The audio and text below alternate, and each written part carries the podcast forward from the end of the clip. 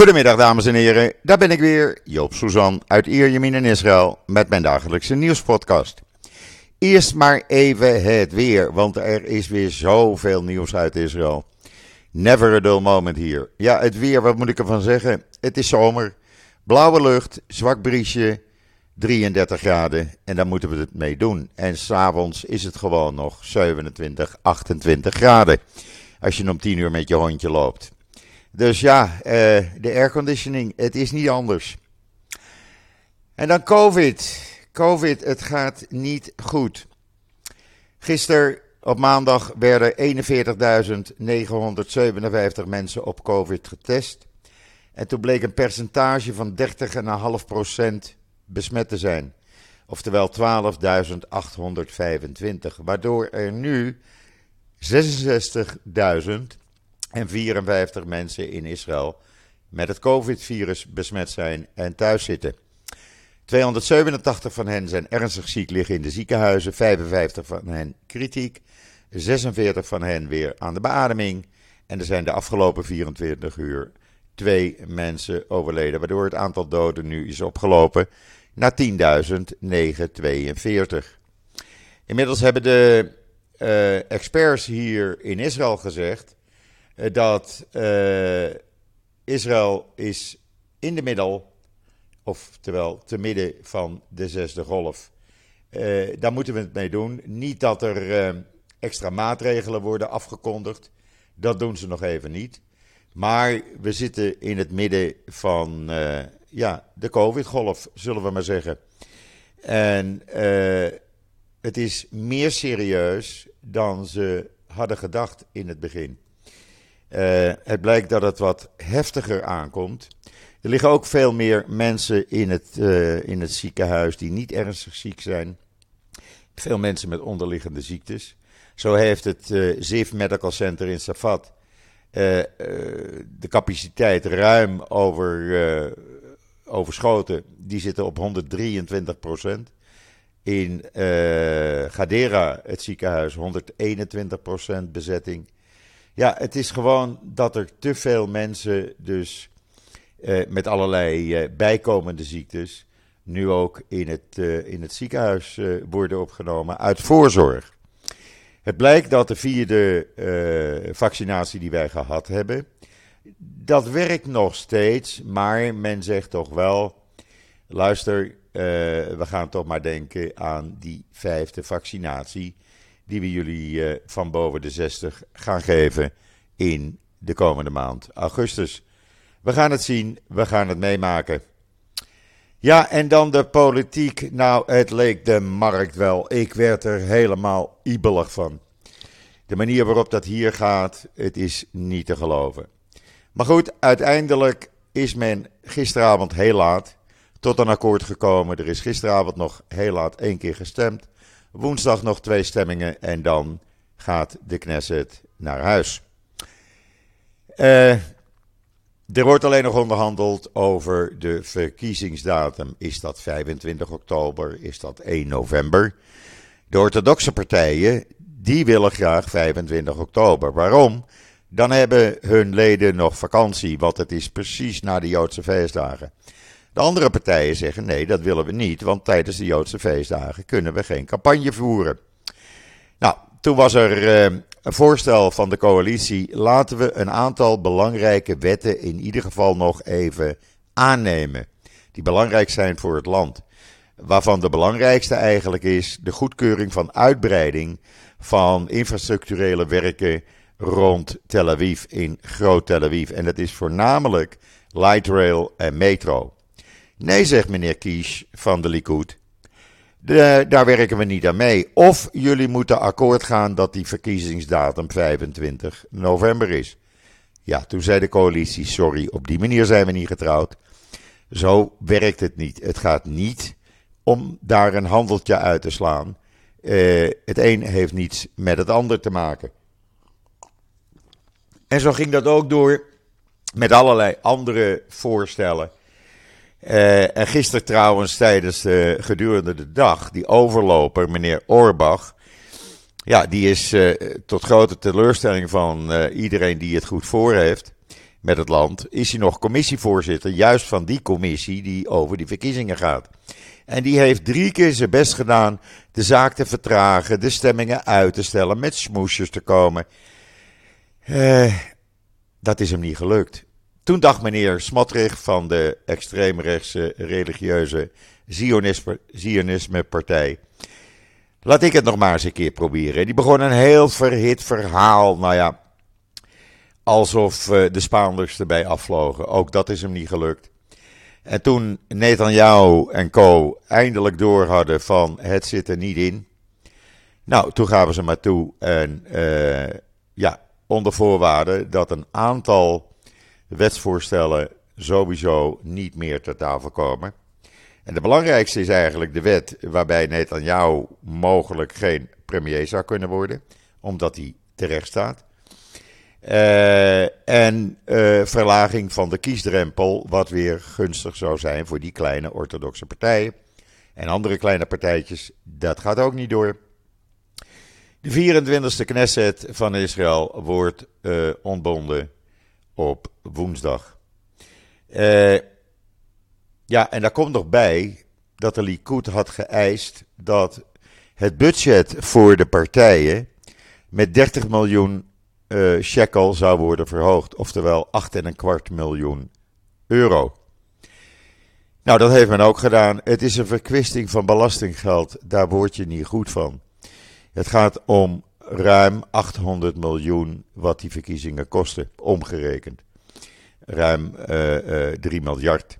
En Lieberman heeft heel terecht gisteren gezegd: Ik ben de voorstander van dat de partijen die dit probleem deze verkiezingen hebben veroorzaakt, maar voor de kosten opdraven. Ja, dat werd hem natuurlijk niet in dank uh, afgenomen, dat kan je voorstellen. Uh, maar goed, hij heeft het wel gezegd en hij kreeg een heleboel medestanders, ook uit het publiek. En dan was er gisteren nog iets waar de Likud niet blij van was. Want een, een van de bekendste journalisten hier in Israël, meneer Gadi die uh, veroorzaakte heel wat verontwaardiging bij de Likud. Toen hij tijdens een interview zei dat Likud-wetgevers, dus Likud-Knessetleden, en de mensen die op de Likud uh, stemmen, die zijn minder intelligent en minder ontwikkeld dan anderen. Ja, nou, toen brak,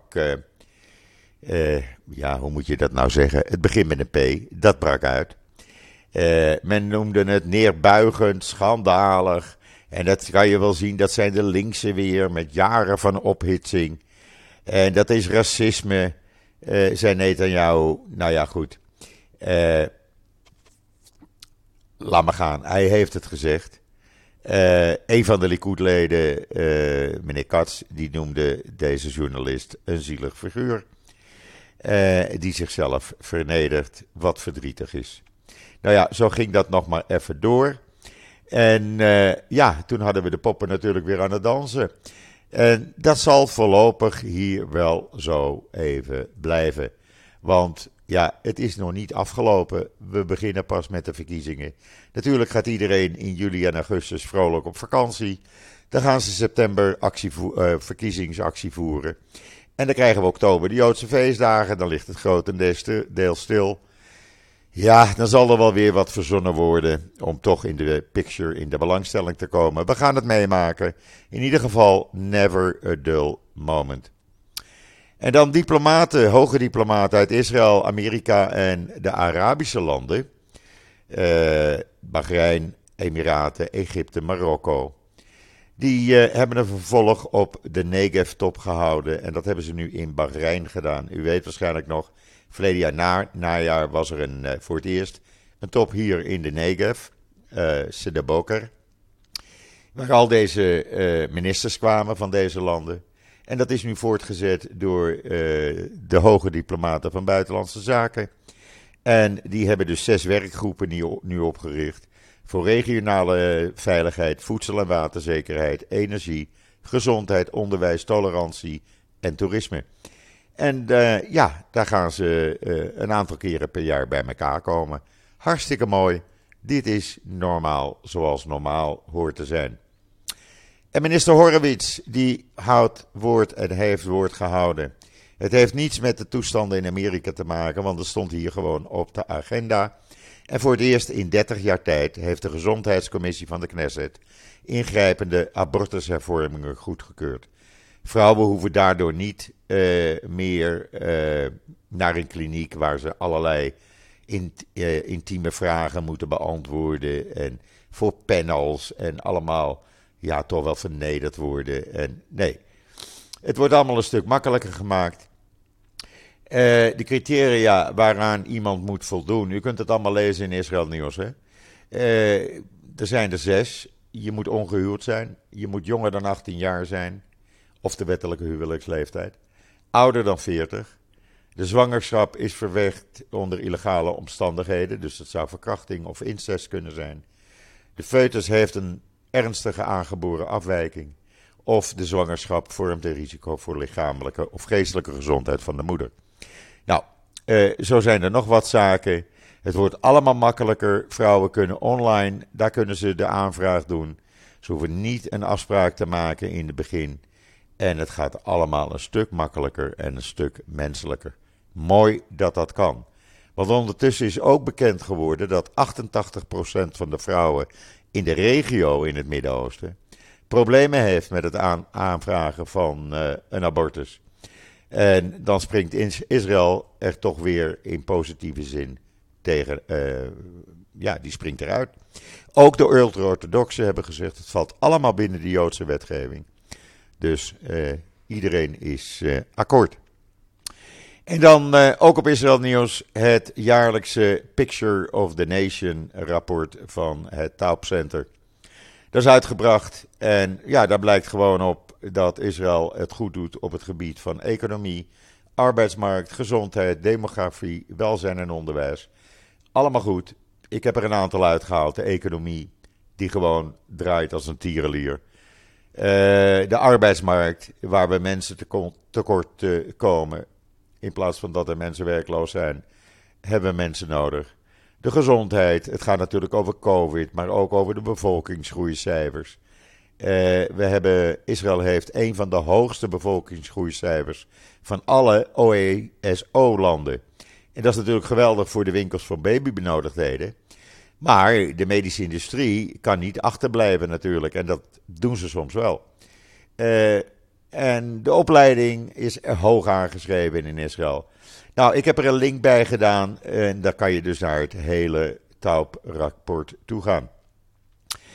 Ja, en uh, in het kader van de actie Breaking the Wave is ook in de afgelopen nacht de IDF weer lekker bezig geweest. En hebben ze tien terreurverdachten opgepakt en wapens in beslag genomen. Natuurlijk werd er weer uh, op de soldaten geschoten, want dat doe je nou eenmaal als je uh, Palestijn bent. Maar in ieder geval, uh, ze hopen op deze manier, en tot nu toe werkt het, ernstige terreuraanslagen tegen te gaan. En dat moet ook. Even een slokje water, mensen. Want ja, met die hitte, water drinken. En dan een verhaal over een trotse jongerengroep die wil uh, in Israël, die wil van de wereld een betere plek maken. En dat is een jongerengroep die, uh, ja, zeg maar, homoseksuele tieners. En het gaat om homorechten, empowerment en ondersteuning. Maar ze willen meer. Ze willen de uh, LGBTQ-identiteit gebruiken als een drijfveer om meer democratische en een diverse en vrije samenleving te creëren. Hoe mooi is dat? En dat allemaal hier in Israël, waar een meneer nog uh, kort geleden op uh, Met het oog op morgen wist te vertellen dat voor homoseksuele mensen Israël het slechtste land in uh, het Midden-Oosten is. Hoe verzin je het? En dan de Israëlische chef van, uh, uh, tegen cyberaanvallen, die heeft uh, gezegd vanmorgen, en u kunt het straks allemaal lezen op Israël Nieuws, dat Iran is onze dominante rivaal. We zien ze, we weten hoe ze werken en we zijn erbij. na Iran komen Hezbollah en Hamas als ernstige cyberbedreigingen. Uh, Ja, en dat soort opmerkingen maakt hij dan een dag, na, dus gisteren, waarop drie grote staalfabrieken, waaronder de grootste in Iran, het plotseling niet meer deden, want ze hadden een cyberaanval te verduren gehad. Waar zou dat nou vandaan komen, vraagt iedereen zich af. Ja, als je Israël aanvalt, dan kan je wat terug verwachten, toch? En dan een studie hier in Israël. Iets wat wij eigenlijk al wisten. Het is van uh, de Rutgers School of Environmental and Biological Sciences. Die hebben een studie verricht en wat blijkt? Grote uh, maaltijden met veel proteïne, met veel eiwitten, leiden tot gezondere voedselbeslissingen. En wat valt daarbij? Vis natuurlijk. Veel vis. Nou, dat hoef je een Hollander niet te vertellen. Ik ben tegenwoordig zo blij als een kind, want ik kan gewoon verse haring nu bij mij in de supermarkt om de hoek kopen. Hoe mooi is dat? Vers uit het vat, uit Nederland. Gewoon een haringkie. Dus Joop eet voldoende proteïne, zullen we maar zeggen. En mensen, het is me toch lekker. Ik hoef er niet meer voor naar Tel Aviv. Ik koop het gewoon in de supermarkt. Ik doe er een uitje op. Op een kadetje. Oh, en dat is smullen. De echte Nederlandse haring. Gewoon in een Israëlische kleine supermarkt. En dan begin volgend jaar. Zet het vast in de agenda. Zal Israël het eerste land ter wereld zijn dat ontzild water naar een natuurlijk meer gaat leiden. En dat meer is het meer van Tiberias of het meer van Galilea. Uh, het is het grootste zoetwatermeer van Israël, of van uh, de hele regio eigenlijk. Het is ook een van de laagst gelegen watermassa's ter wereld.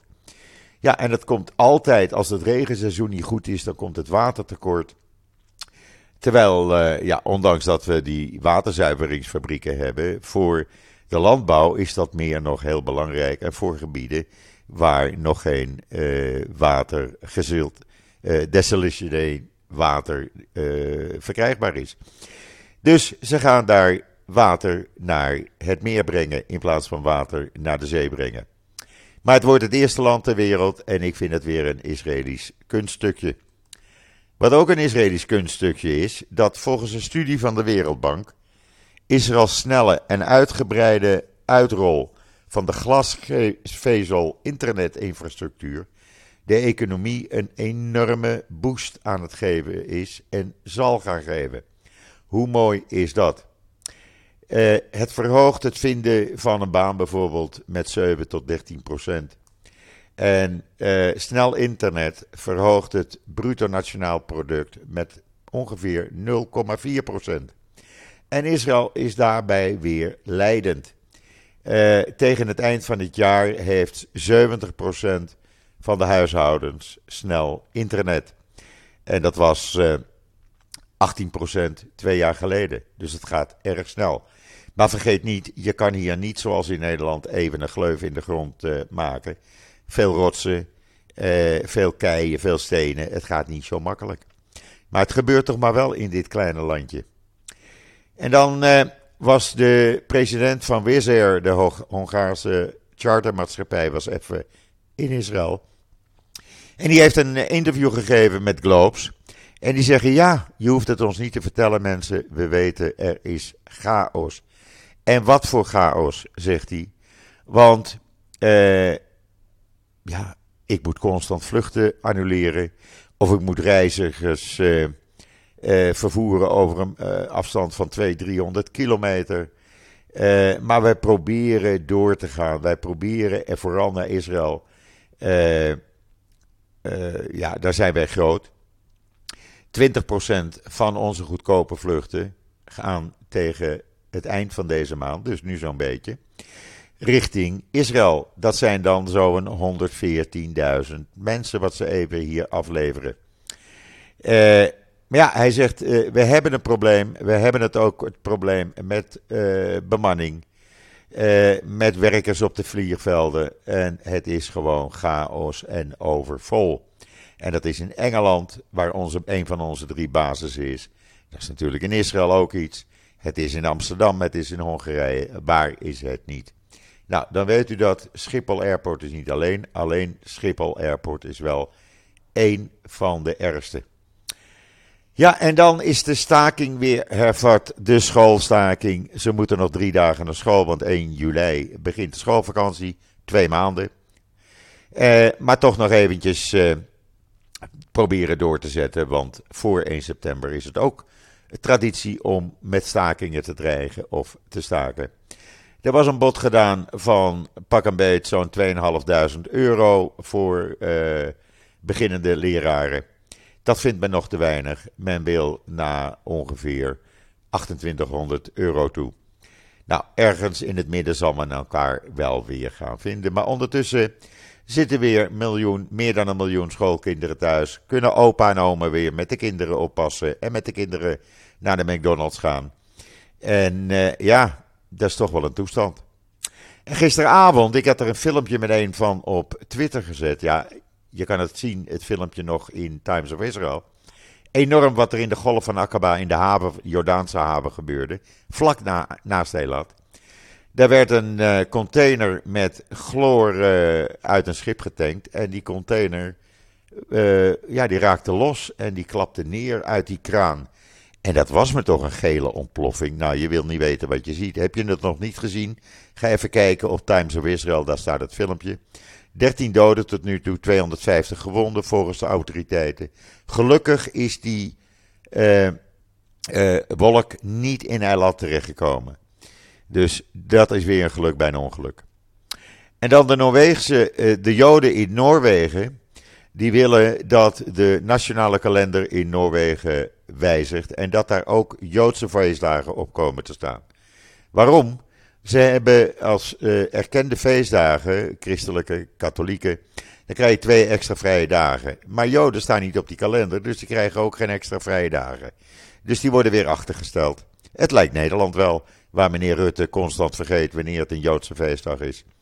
Dus ze zijn een actie begonnen en uh, ja, hopelijk dat het succes uh, oplevert. En dat ze dus ook op hun Joodse feestdagen vrij mogen zijn. En dan Hamas, of het grootspraak is, IDF houdt het er voorlopig op dat het grootspraak is.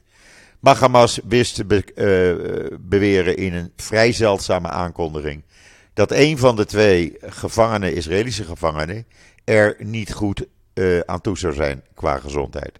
Of dat nou is om een beetje druk uit te oefenen, uh, omdat ze geen terreuraanvallen meer willen doen eigenlijk. Want ja, ze hebben nu 14.000 uh, Gazanen werken in Israël. En honderden handelaren die dagelijks de grens overgaan naar Israël om hun spulletjes te verkopen. Dus ja, dat brengt ook weer geld in het laadje voor Hamas. Dus Hamas doet het eigenlijk maar zo. En de IDF zei meteen: het is psychisch, psychologische oorlogsvoering. Ja, en dan is er een heel triest verhaal van een Israëli die met zijn vrouw, met zijn meisje op vakantie ging naar Griekenland. Hij komt uh, uh, aan op Corfu, op het eiland Kos, sorry. Doedi Askenazi, 52 jaar, wordt meteen opgepakt. Wat blijkt nou? Zijn naam staat op de Interpol uh, opsporingslijst voor drugsgerelateerde zaken in Zuid-Amerika. En hij wordt dus opgepakt. Wat blijkt? Hij lijkt niet eens op de foto van Interpol. Totaal andere man, ook dat kan je zien uh, op Inter, uh, Israël Nieuws, want ik heb het er gisteren nog even opgezet. Maar die man zit wel mooi al een week vast. En later deze week wordt er besloten of hij wel of niet naar huis mag. Het is toch niet te geloven. De man is gewoon uh, chauffeur of manager bij Dan Autobussen nu. Uh, en hij is helemaal op dat tijdstip nooit in Peru geweest. Dat zou moeten zijn geweest op 16 juni 2012. Ja, het is heel zielig. En ik heb echt met die man te doen. Israël probeert er ook alles aan te doen om hem vrij te krijgen. Maar ja, uh, Grieks recht, zo makkelijk is dat niet. Goed, het brengt mij tot het einde van deze lange podcast alweer. Maar dan bent u in ieder geval wel op de hoogte van wat er hier aan de hand is. Rest mij u nog allemaal een hele fijne voortzetting van deze dinsdag, de 28 juni, toe te wensen. Ik ben er morgen weer en zeg zoals altijd: tot ziens. Tot morgen.